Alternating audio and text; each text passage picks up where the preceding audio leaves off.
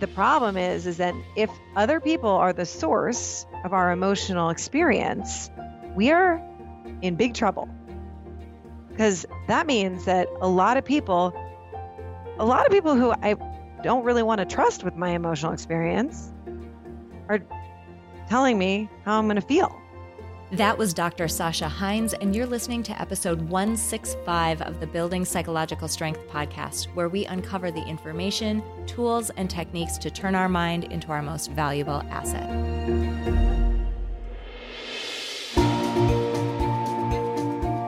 The courage to face fears with persistence. Being able to be present enough in this moment to choose my response thoughtfully. We have the strength to bend to life stressors, to bend to adversity without snapping, without breaking. There are only six things that contribute to our quality of life, and they are all experiences. In every moment, we are deciding who we want to be and how we want to live our lives. Noticing what your brain is doing and then being able to make choices mobilize the things that we know lift us up. Fear is not logical, it's primal. Hey, everybody, welcome back to the podcast. My name is April Seifert, and I'm your host. Thank you so much for being here today. I'm just going to dive right in because I am way too excited about this week's topic. This week we are diving into it's we're kind of taking two sides of the same coin with this week's episode. We're talking about on one side of the coin a very fundamental just mental process. This is one of those um, basic things that I wish everyone knew about their mind and that is the specific linkage between situations you find yourself in, the thoughts you have, the uh, emotions you experience, and then the behaviors that result. We're talking about the linkage between those basic things, in particular, the direction in which those things happen and the order in which they happen. So it sounds very fundamental, but this interview took a really cool turn into us talking about one emotion in particular. And that emotion is guilt. So we're diving into how situations and our thoughts impact the emotions we experience. And so much of the conversation is around when times when we feel guilty and what is leading us to feel guilty. And even more, more powerful than that, how we can alleviate that guilt and put ourselves in more of a position of power and control because we have so much more power in these situations than we are willing to give ourselves credit for. So I'm really excited about this week's episode. The other reason why I'm excited is because I'm talking to another person with a PhD in one of the experimental fields of psychology. So, something that not a lot of people realize is that the field of psychology, the first way to sort of divide the field up is in the realm of clinical psychology, so that's one side of, you know, the coin, and then the experimental side of psychology, which is everything that's not clinical. So, it is developmental, it's social, it's cognitive, positive, it's all of those areas that are not patient facing or clinical in nature. So I'm talking to another PhD in a clinical or in a experimental side of the field. So this week we are talking to Dr. Sasha Heinz. She is a developmental psychologist. She is a life coach working as a life coach these days and is an expert in positive psychology, also an expert in behavioral change and the science of getting unstuck. Unstuck, unstuck, unstuck. She has used her academic expertise she in so many different capacities. She's also a former faculty member at the University of Pennsylvania's Masters of Applied Positive Psychology program, um, and she gives her clients the tools to change their lives for good. In previous episodes of the podcast, we have talked about ways that you can find a life coach who is um, reputable and knowledgeable who can give you access to tools and techniques that will actually make a difference because they're evidence based. Dr. Heinz is one of those people. So, as somebody who has a PhD in psychology, she has really cultivated a skill set and a set of expertise around areas of the field that can help people make meaningful improvements in their lives. Also, in her private coaching practice, she helps, I love how she says this, achievement junkies feel as good on the inside as their lives look on the outside. She is a graduate of Harvard University. She's a working mom. She has lived life on the front line of the battle with perfectionism. And so she completely understands all of the nuance around the topic that we're going to dive into today. I'm really excited about this episode because, again, not only are we talking about the basics between situations, our thoughts, our emotions, and our behavior, but we're talking about another topic that is so important and critical something called emotional fluency. So, being able to understand and speak about our emotions in a fluent way, very related to emotional intelligence. And we get into this notion of guilt. I'm not going to say too much because it is so powerful and there is so much in this episode. If you have ever felt guilty on a regular basis, I know as a mom of two kids, this tries to creep into my life all the time. And so much of what Dr. Heinz is talking about in this episode is something that I have actively done in my own life, and it has made a meaningful an incredible shift in the way that I experience my days because guilt is continually continually playing a smaller and smaller role in my day as a mom. I can't wait for you guys to dive into this week's episode. Like I said, it is so powerful, and I can't wait for you all to meet Dr. Sasha Heinz. Sasha, I'm so excited that we are having a chance to chat today because we share a background in the experimental side of psychology, which is always fun to speak with somebody who has such a deep background in the field as well. So thanks so much for being here. Oh, I'm so excited for this. What is definitely going to be a nerd fest about all this stuff. Oh, yeah. Oh, my definitely. Fa- my favorite thing to do. Oh, definitely. So, I, for folks listening to this, I uh, am a social cognitive psychologist, which is a little bit of a weird area of psychology. I tell people um, if you take it going from the back forward, it makes sense. So, psychology, we study uh, the mind and how it works. Um, cognitive, it is how we encode and store and use information. And social, it is information about people and social settings and things related to that. Um, I would love for you to give just a quick snippet on um, your part of the field because it's another part mm-hmm. of the field that I think people don't know a lot about. Yeah, and I love that you said another part of the field because I think that people make the mistake. Um, my background is in positive psychology, also in developmental um, psychology as well, but my first love really is positive psychology. And I think some people um, mistakenly think of it as sort of a separate entity you know it's like its own field i'm like no it's just a piece of mm-hmm. the larger field of psychology and we under you know we study what happens in organizations and we study communities and we study you know, um, cognitive processes and all these other different things that we, you know, and developmental processes and all these things that we study in uh, psychology and under and the positive psychology, you know, sort of part of the field is really focused on understanding what's right with life. Like, what are the experiences and um, that make life worth living?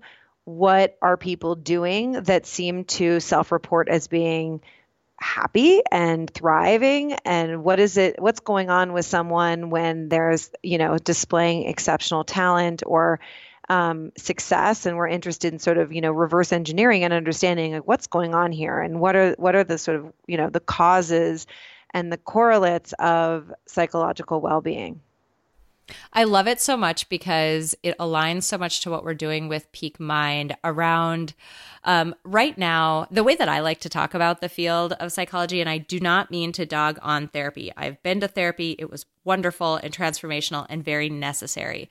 But Mm-hmm. The way that the field operates right now, or has historically, it's changing a bit now, but it's been what I call sort of an emergency room model. You wait until yep. your mental well being and your mental state gets to the point where your life is being impacted. You cannot do this anymore. You're at your breaking point, and then you go to therapy, which is akin to the emergency room.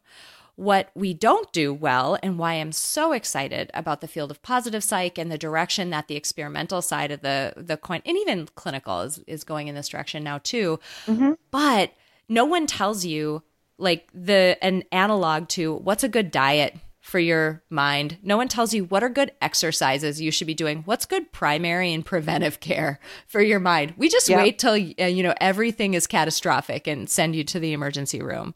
So I love that you're in this field. Yeah, yeah. I mean, exactly right. It's the medical model. Like, you know, there's a for many reasons, psychology, um, the practice of psychology ended up mimicking the medical model, and which has had great outcomes and also some deficiencies. Totally agree. Where a lot of your expertise lies is in something that seems so basic. And it seems so basic that it's really easy for people to overlook. But this is one of those times where mm-hmm. it is simple, maybe to understand, but so powerful. And you don't realize how much power it has. And this is in the interrelationship between thoughts and emotions. Can you give us? Uh, I'm just going to give you sort of an open forum to talk a little bit about um, how they interrelate and specifically um, directionally. I think people get things a little bit confused. Yeah. Well, I so I think where people have the most confusion is the because largely how our brain is wired and how we interpret things, but um, we make an assumption that the experiences that we're having, the events, you know, the the external events, what we call an activating event, um, that that is what's a, it's activating our emotions. Like that's the that is the assumption that people make. They're like, this thing happened and I'm upset, right? I got this email in my inbox and now I'm stressed, or there was traffic and I'm, you know, agitated, or that whatever, you know, whatever the thing that I didn't get into this particular program, or I got passed up for a promotion, and now I'm feeling disappointed. So they they make the assumption that it's this external thing that's happening, and then they feel this emotion. But what's completely it's wrong. that's not what's actually happening.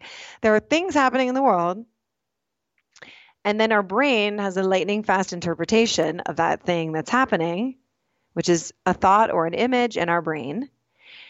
And then that generates our emotional experience. So we have to interpret what is happening to be able to create the emotion. This is happening so fast, by the way, for most people, this is happening totally unconsciously. But what's so important to even uh, like the baseline on uh, you know understanding needs to be what's really happening is your you know the things that are happening to you the the events of life which by the way you do not control are never causing your feelings. So like nobody can actually hurt your feelings. This is news to most people right?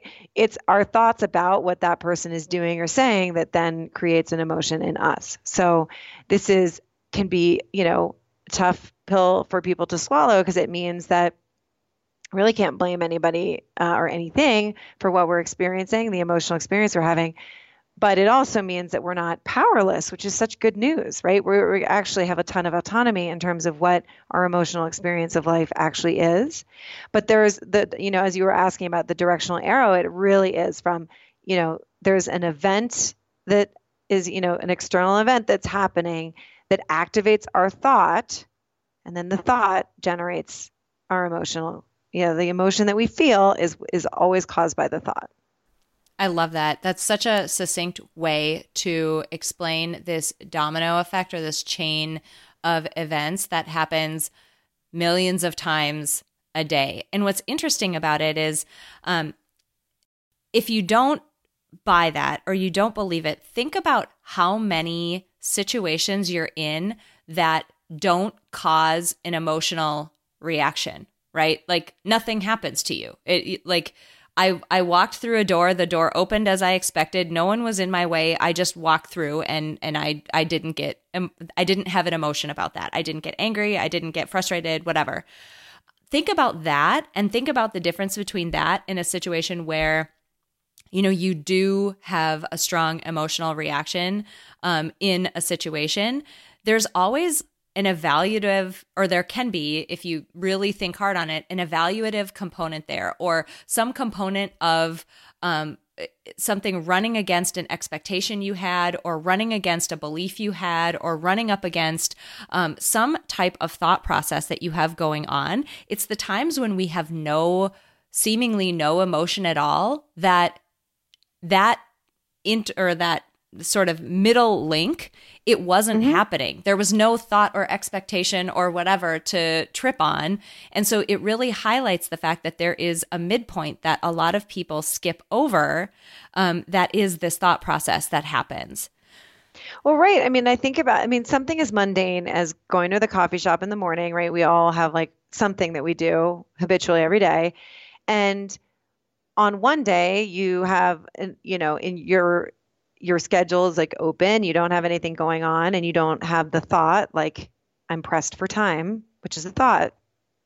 It's, time is totally a construct, a socially agreed upon construct, mm-hmm. right? So on one day, there's a guy in front of you who's paying in cash and change, and it's taking forever. And you're like, ho hum, life is dandy. I'm going to think about other things and I'm not even going to worry about it.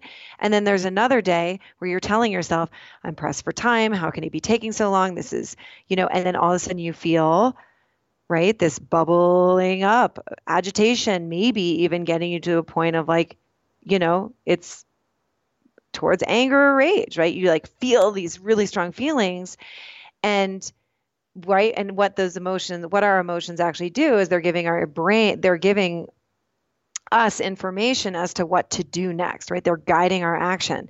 So, right, in one case, you're just sitting there and it's no big deal, but the exact same thing is happening. Man is paying with, you know, cash and counting out the pennies. the same thing is happening. In one instance, it's not a big deal and you're not activated at all. Another day, you're telling yourself a different narrative in your head and you are highly activated. Agreed. Agreed. Something you said was that was really interesting um, that I want to dive into next is around. Um, you said yes, this is the direction that it operates in. Yes, this is the chain of events that happens, but it's good news because it means that you have some control. It's good yeah. news because there is a way that you can intervene and um, maybe change a situation that you uh, that isn't helpful or that you um, aren't maybe showing up as your best. Can you talk about what you meant there and dive in a little bit more? Because I think this is one of those uh, fundamental things that I want people to understand about their minds because it is such a powerful construct. Yeah, I mean, I think we love to blame other people and like you know get upset about things that happen to us it's like you know what i would equate it to is just it's like diving into your freezer into a giant gallon of ice cream. Like it feels so good. You're like, how could they, you know, we can be indignant and upset and blaming other people. And there's like, you know, or gossiping about somebody. Like it feels so good. But the problem is, is that if other people are the source of our emotional experience, we are in big trouble. Because that means that a lot of people a lot of people who I don't really want to trust with my emotional experience are telling me how I'm going to feel, right? Because if my if my emotional experience is based on what they're doing or not doing, I'm in trouble. And understandably would be like resentful of everybody and everything because I am out of control. But that's really never what's happening and it's it feels um, you know you you you have to be willing to give up you know what are, the indulgence blaming other people for the stuff that's going that for for your inner experience. But when you're willing to give up blaming other people for your and other people or you know other events for your inner experience then you gain so much freedom. I love right? that. You, yeah I love it. Well, and the distinction that you're making there is a really nuanced one that I want to make sure that people get. And what you're, correct me if I'm wrong, what you're not saying is if a person does something really terrible to you, you're not saying, and this is a, I, I bring this up because I feel like it's one of those misconceptions of positive psychology.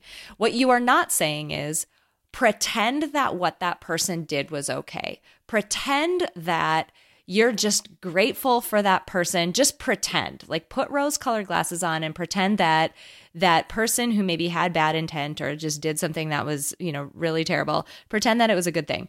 Instead, what you're saying is they did what they did. It is what it is.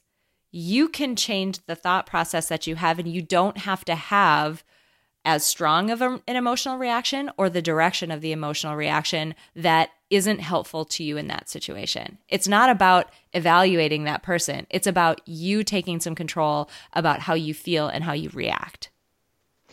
Exactly. Like it's by the way, the analogy still stands. Like it's still it's the it's the difference between like deciding that you're going to eat your favorite dessert and you like enjoy it and love it and all about it versus like you know compulsively eating a gallon of ice cream, right? Like two different experiences. Both in times you're having some, you know, eating the dessert, but in two very different ways. It's the exact same thing, which is when we're not taking responsibility for our feelings and when we've told ourselves really like it's it's an error to believe that this other person or this other thing is actually causing my emotions when we're believing that right then our emotional reaction is not we don't have any control over it right it's like we're just the puppet and they're the marionette you know they're pulling the marionette strings but when we can tell ourselves the truth, which is, okay, I'm creating this emotional experience. I'm pissing myself off right now,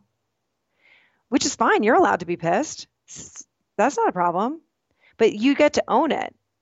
So you get to decide when you're ready to shut it down, when you're ready to feel something else, when you're ready to move on. Like you're in you're in the driver's seat.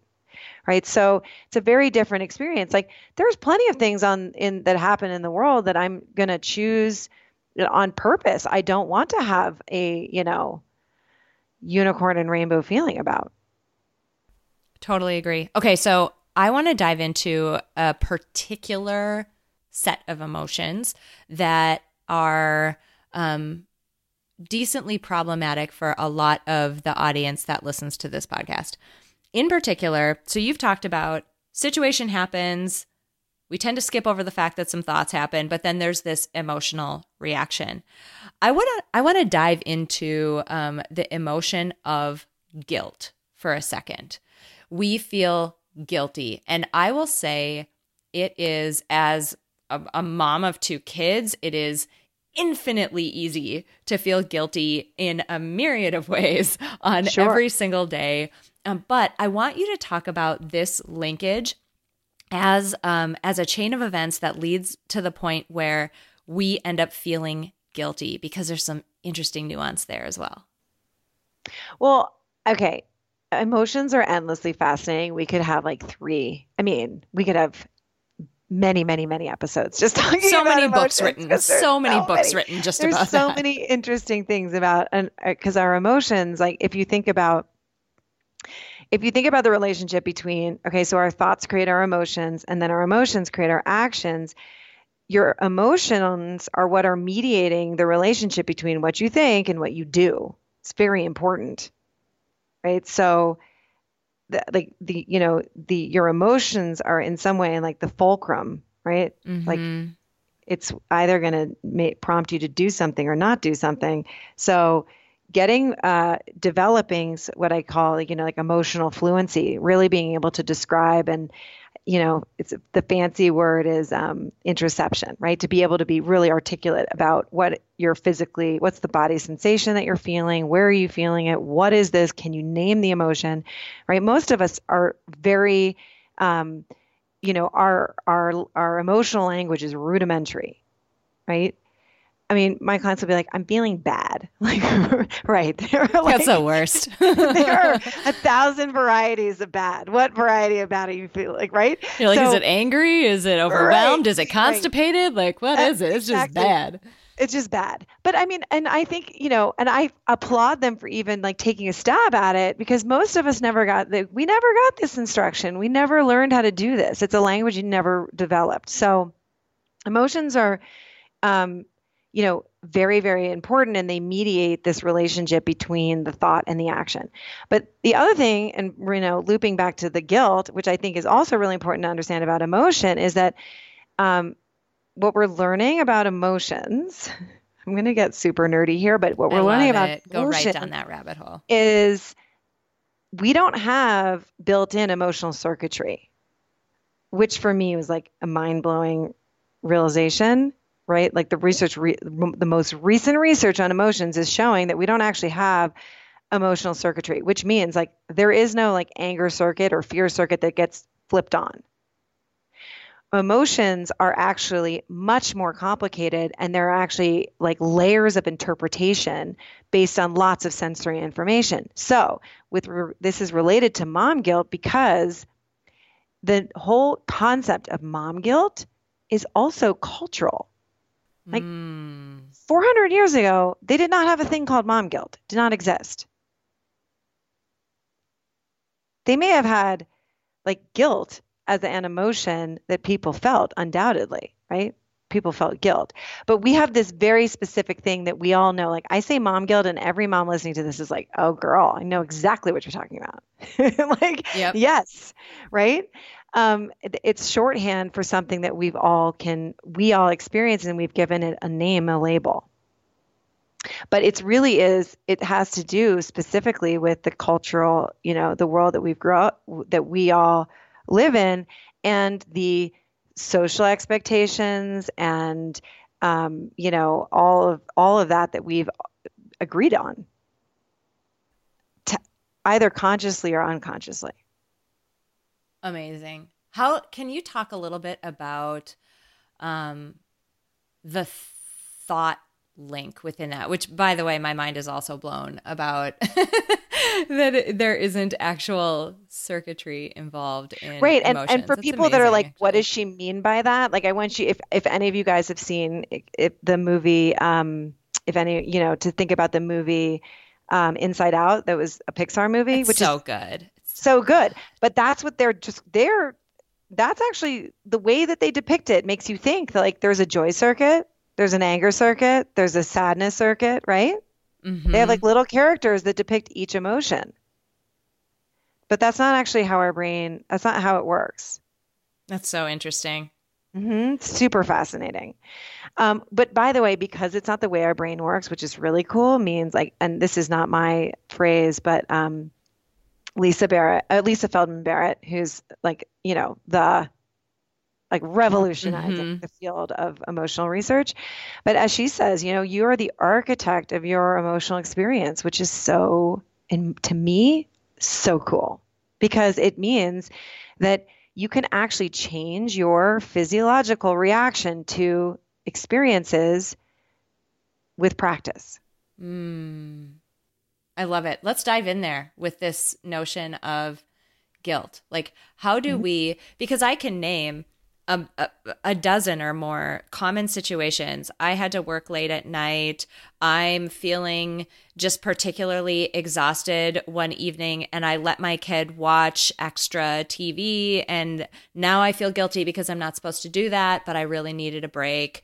Uh, I didn't feed my kids exactly the perfect meal, or I didn't have this perfect birthday party, or I didn't, though, I mean, so many situations can come up where we find ourselves feeling guilty Yep. when it sounds like, and I'm really excited about this, where it sounds like we can reframe either the thoughts that we're having or how we're appraising that situation. And it sounds like learn to like teach ourselves to feel a different way in those same situations that will come up. Like uh, they just will in life. Absolutely, because each one of those situ- things that you're describing, there's an underlying assumption, right? There's an assumption that like there is best. I mean, I, it, I by the way, as in my research as in developmental psychology, I mean, I think in some way I was like would laugh with my husband. I'm like, this is maybe the worst field for me to be in because it makes me, you know, a, uh, hyper vigilant to a degree of insanity, right? Like, I'm am I engaging in best practices? Ah, um, right? And and then there's no like humanity to my motherhood, but I think that there's so many assumptions that are being made. What what does it mean?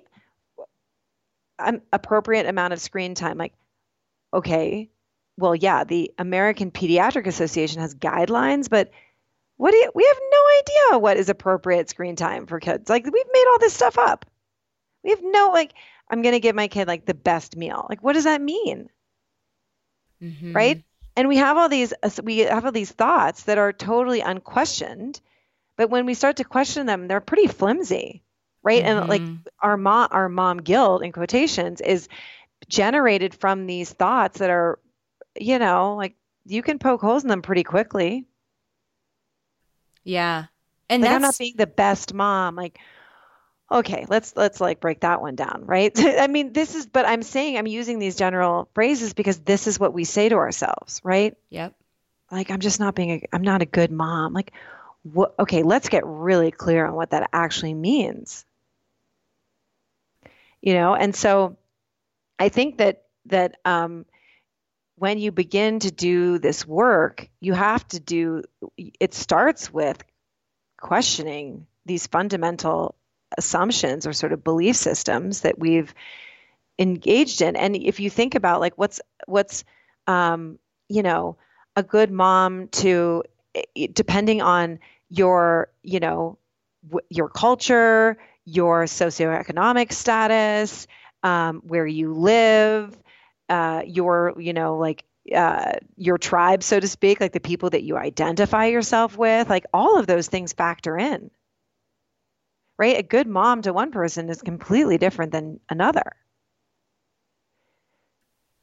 Absolutely. Something that I, I want to share just like a quick uh, personal anecdote because it really aligns in this area. Something um, also that I've been exploring is around there's a set of thoughts that you habitually think, right? We get into these thought patterns that are very habitual and they run without us even realizing it. Like, I did this thing, that means I'm a bad mom. I did this thing, I'm a bad mom. I did this thing, I'm a bad mm-hmm. mom. Like, mm-hmm. we just get into mm-hmm. these very habitual thought patterns. What we don't do is think about, you, you mentioned this intention or whatever, thinking about intentionally to you, you as a human being, to you. What does it mean for you to be, in this case, we're talking about parenting, being a good parent? What does that mean? And so for me, I sat down and I said, okay, what does it mean? That means I want to show up and I want to be I actually want to be excited to be there. I want to be engaged in the thing that I'm doing with my kid as much as possible. Is it possible all the time? No. But like as much as I can, I want to be engaged in the thing that I'm doing with my kid. And that means that there are a certain set of things that need to happen, for example, at the end of my workday, in order for me to put to bed the to do list that I was working on, the tasks that I was working on, all the extra sort of noise that if I don't do these things and wrap those up, I'm going to sit and run through them in my mind and I'm going to be distracted or angry or short or tired or whatever with my kid. And that's not how I want to be. And what I've started to do is the mom guilt, quote unquote, was getting in the way. It was like, no, you're done with your work. You got to go pick your kids up. Don't you feel guilty? You're leaving them at daycare longer. Don't you feel guilty? Like, aren't you a bad mom? You don't mm-hmm. want to be with your kids? Mm-hmm. And I'm like, no.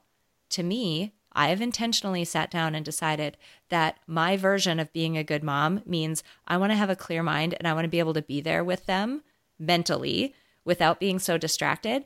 And that means that I need to close my day down. So when that autopilot set of thoughts starts to run to try to make me feel guilty, I'm like, Yep. nope. This will take five minutes, and those five minutes are a small price to pay for you to show up and be a completely different person in Right. this situation. So it's not only the thoughts that we have, but the thoughts that we aren't having and that you need to force yourself to have, right? Yeah, like it's this, it's really a practice of thinking on learning how to think on purpose. But I, you know, and the and which is what you exactly what you did. You're like, I'm going to make it. I'm deciding on purpose what it means to be a good mom. I'm going to give myself actual metrics that matter to me, and they're aligned with my particular values. And then I don't have to. There's no sort of arbitrary standard that. It, by the way, it's like an arbitrary standard with uh, moving. It's a constantly moving target. Totally. right? Which is the problem. So but i this is what what i would you know with my clients when they're struggling with this which is by the way all the time you know this is such a frequent one that comes up. What i ask them is when you're fe- saying i'm a, i'm a terrible mother right? What you feel the emotion that you feel that thought creates the feeling of guilt. And then the next place to go is when you feel the emotion of guilt, when you're actually experiencing that guilt, what do you do? You know, if I had a video camera, like, what would I see you do? Mm. And what people will describe, right? Like, let's take an example of you. Like, if let's, you know, you're telling yourself, my kids are at daycare too long. I'm a terrible mother. Like, I'm not being, a, you know, a great mom. And, and you all of a sudden you feel guilty at your office, right? And if you were to act on that guilt unconsciously, you're going to shut down work and you're going to go pick up your kids hmm and probably be distracted and you know email and text on the side and maybe snap at them i'm, I'm, I'm speaking from my own experience Oh yeah, I'm raising my hand over here. Yep, Maybe- yep. You're describing my life. maybe snap at them because you know they're like wanting something while you're trying to get an email out or whatever it is right you're trying to like finish up those tasks and now they want your attention and you're like could you just stop being a child for five seconds and let me get this done right and then the result of those actions that came out of guilt is More guilt. right. The result guilt. is that you now feel like you didn't show up being a great mom in that moment either, which then gives you more evidence that this thought that you have that I'm not being a good mom is true, Uh, good. So good. right? So this is the process of, you know, you'll understand this, like, you know, what I call it confirmation bias or cognitive bias. Like your belief that you're not being a good mom actually creates the outcome of you not showing up as a great mom. So we think that this thought, like I'm not being a good mom, is useful. Like it's somehow going to direct you towards the promised land of, you know, June Cleaver motherhood. But it doesn't. It actually moves you farther away from who you really want to be. Love that. We actually have some content on um and maybe this is where we should go because I love I love giving people actionable steps at the end of these interviews using the confirmation bias to work in your favor Yes. because there's an in, there's an interesting thing. People don't people mistake the fact that a thought happened automatically or without um, effort. They mistake a thought that runs automatically, like I'm a bad mom, I'm a bad mom, I'm a bad mom. That one runs involuntarily. They mistake that one as somehow being more true or authentic than one you had to conjure up and work hard to create, and it's not. Like, That's so interesting. I've never actually heard someone describe it in that exact way. And right, I like this must be true. It happens so easily. Absolutely No. right. It just means you've practiced it more. Like Yeah. it just means that that's the track your brain has your mind has practiced more, which means Exactly. if you run it to run another track, practice the other track and that's the confirmation bias. Soon you will create a new belief around this thing that you're practicing. Absolutely. I mean, I absolutely, I have this um, girlfriend who just, I mean, she's amazing. And she, when she goes to events, she's always like, I, I think I'm like, I think I look the best here. I think I like look amazing. and I, lo- I mean, we like, it's hilarious and incredible. And I was like, I need to come up with a, like a name for this. So at the moment I've landed on body yes morphia. So it's like, you know, she's That's like, it's, it's like a distortion, but in a in a good way. And in her mind, you know, she's making fun of herself. But I see the outcome of this. I'm like, right. She totally believes this and then has like doesn't matter. Doesn't matter where she is, what she's wearing, what she looks like, just feels fabulous all the time. like, that sounds better to me. Mm-hmm. Yes. Who cares what the the external reality is? Like, don't you just want to feel fabulous? Like, yeah. Absolutely. I love that. Oh my gosh. and I, by the way, she does because she believes it. That's like, right? She like radiates. So, Mhm. I, you know, I think like people absolutely so true. Like we have these automatic, you know, our, our brains are biased to toward, you know, a ne- toward negativity. Yep. And so because that's true, we think we we prioritize it and we think like it must be right, it must be true. It's like it's most of the time I am a bad mom is equally as irrational as any I mean, it's an irrational thought. It's a thought error. It's like, really? You're a bad mom? like I, I and then I'll if I ask my clients, I'm like, prove it to me. Like, really? Like I'm I'm all up. Like I'm willing to believe this thought. Let's let's dig into this one. Let's look at the facts. Right? It's like there's never a moment where they actually can give that to me. Yeah. Or not irrefutably, right? Like, Yeah. okay, sure, you snapped at your kid. What about all like the the twenty hugs you gave them yesterday? What about all of the? But that bias leads us to just see the things that confirm that we're a bad mom. We don't Yeah, even see the other stuff. Absolutely. And like most importantly, two things. One is when you're believing this like blanket, I'm a bad mom, then it gives, it creates this unfortunate cascade, right? That brings you to, that, you know, creates this emotion of guilt. The guilt creates all this action, right? That's, snapping at the kids, the distracted, all of that.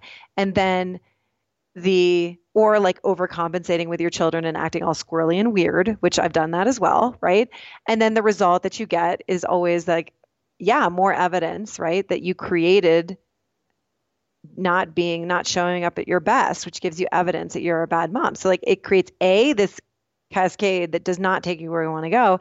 And secondly, it gives you very little information about what you could improve on. Like there are always stuff I could improve on as a mom. And when I just say I'm a bad mom, I'm actually abdicating any responsibility to to, to actually do something about it. Mm, Right? that's powerful. Yeah.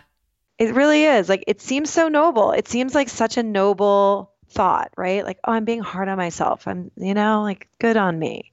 No, like what it really allows you to do is it allows you to just like you hang everything on this hook of like I'm a bad mom, but it's really like I'm a bad mom. What can I do, right? It's like it really allows you to not take um, a hard look, an honest look about like, okay, what am I doing that's great and that I'm really proud of that's working, and what am I doing that like isn't great that I don't love?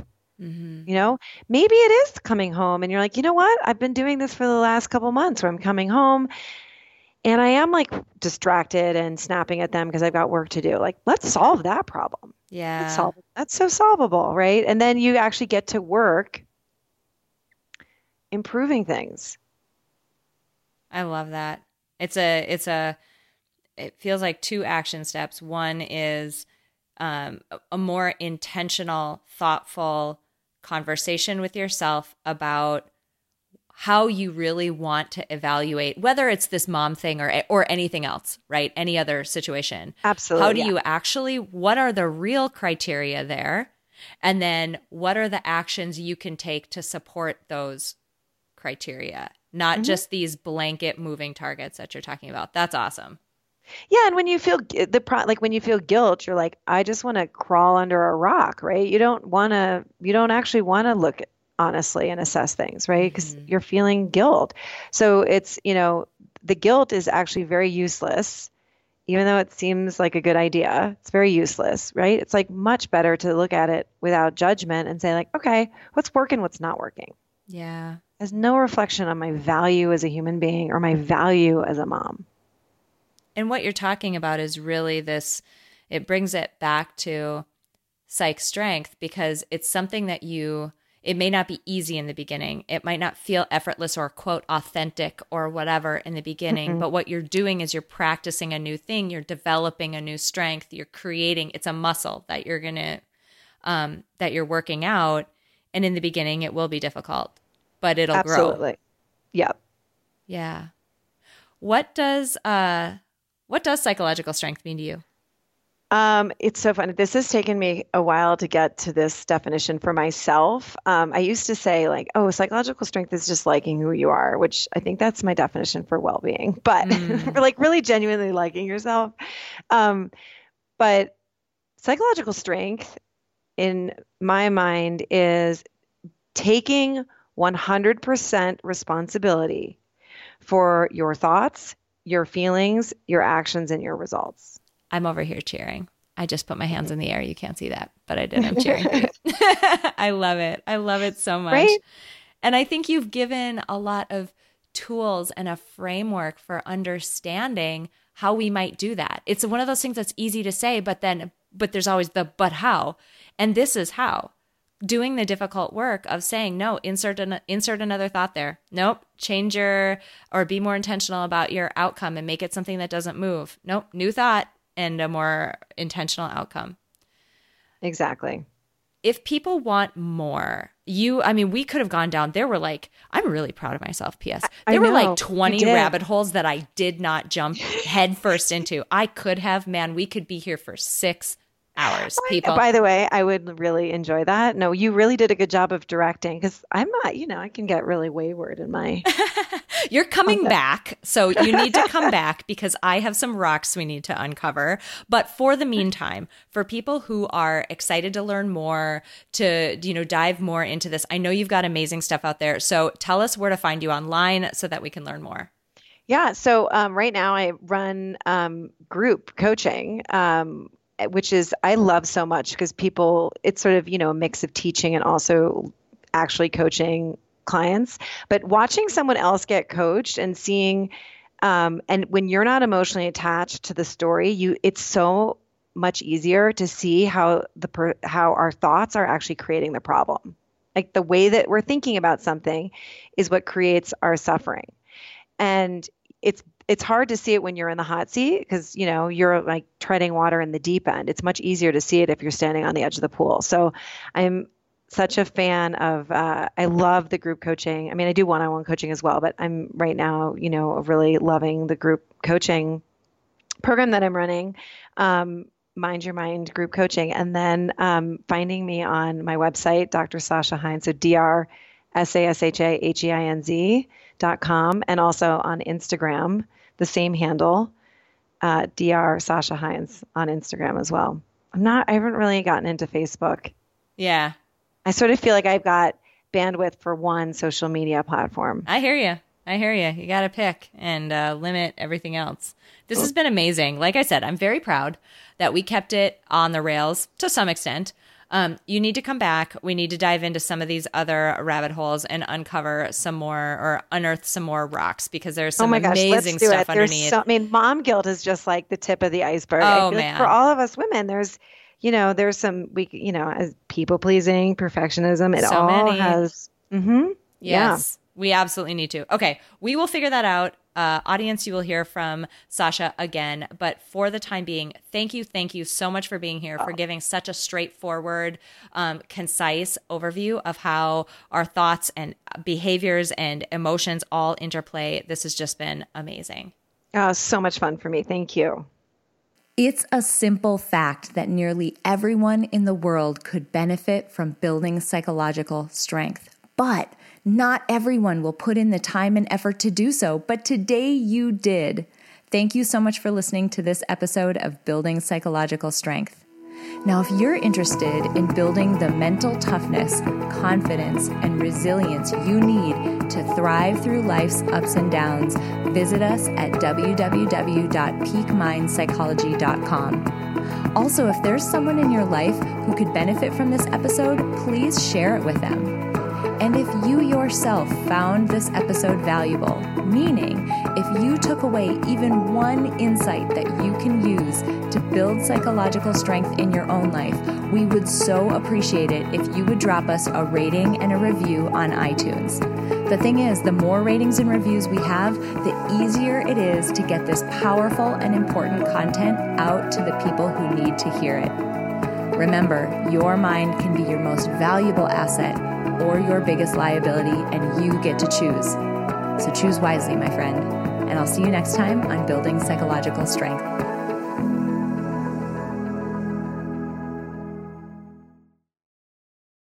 At Parker, our purpose is simple. We want to make the world a better place by working more efficiently, by using more sustainable practices, by developing better technologies. We keep moving forward. With each new idea, innovation, and partnership, we're one step closer to fulfilling our purpose every single day. To find out more, visit parker.com/purpose. Parker, engineering your success. As humans, we're naturally driven by the search for better. But when it comes to hiring, the best way to search for a candidate isn't to search at all. Don't search, match with Indeed. When I was looking to hire someone, it was so slow and overwhelming. I wish I had used Indeed. If you need to hire, you need Indeed. Indeed is your matching and hiring platform with over 350 million global monthly visitors, according to Indeed data, and a matching engine that helps you find quality candidates fast. Ditch the busy work. Use Indeed for scheduling, screening, and messaging so you can connect with candidates faster. And Indeed doesn't just help you hire faster. 93% of employers agree Indeed delivers the highest quality matches compared to other job sites, according to a recent Indeed survey. And listeners of this show will get a $75 sponsored job credit to get your jobs more visibility at Indeed.com slash podcast. That's Indeed.com slash podcast. Terms and conditions apply.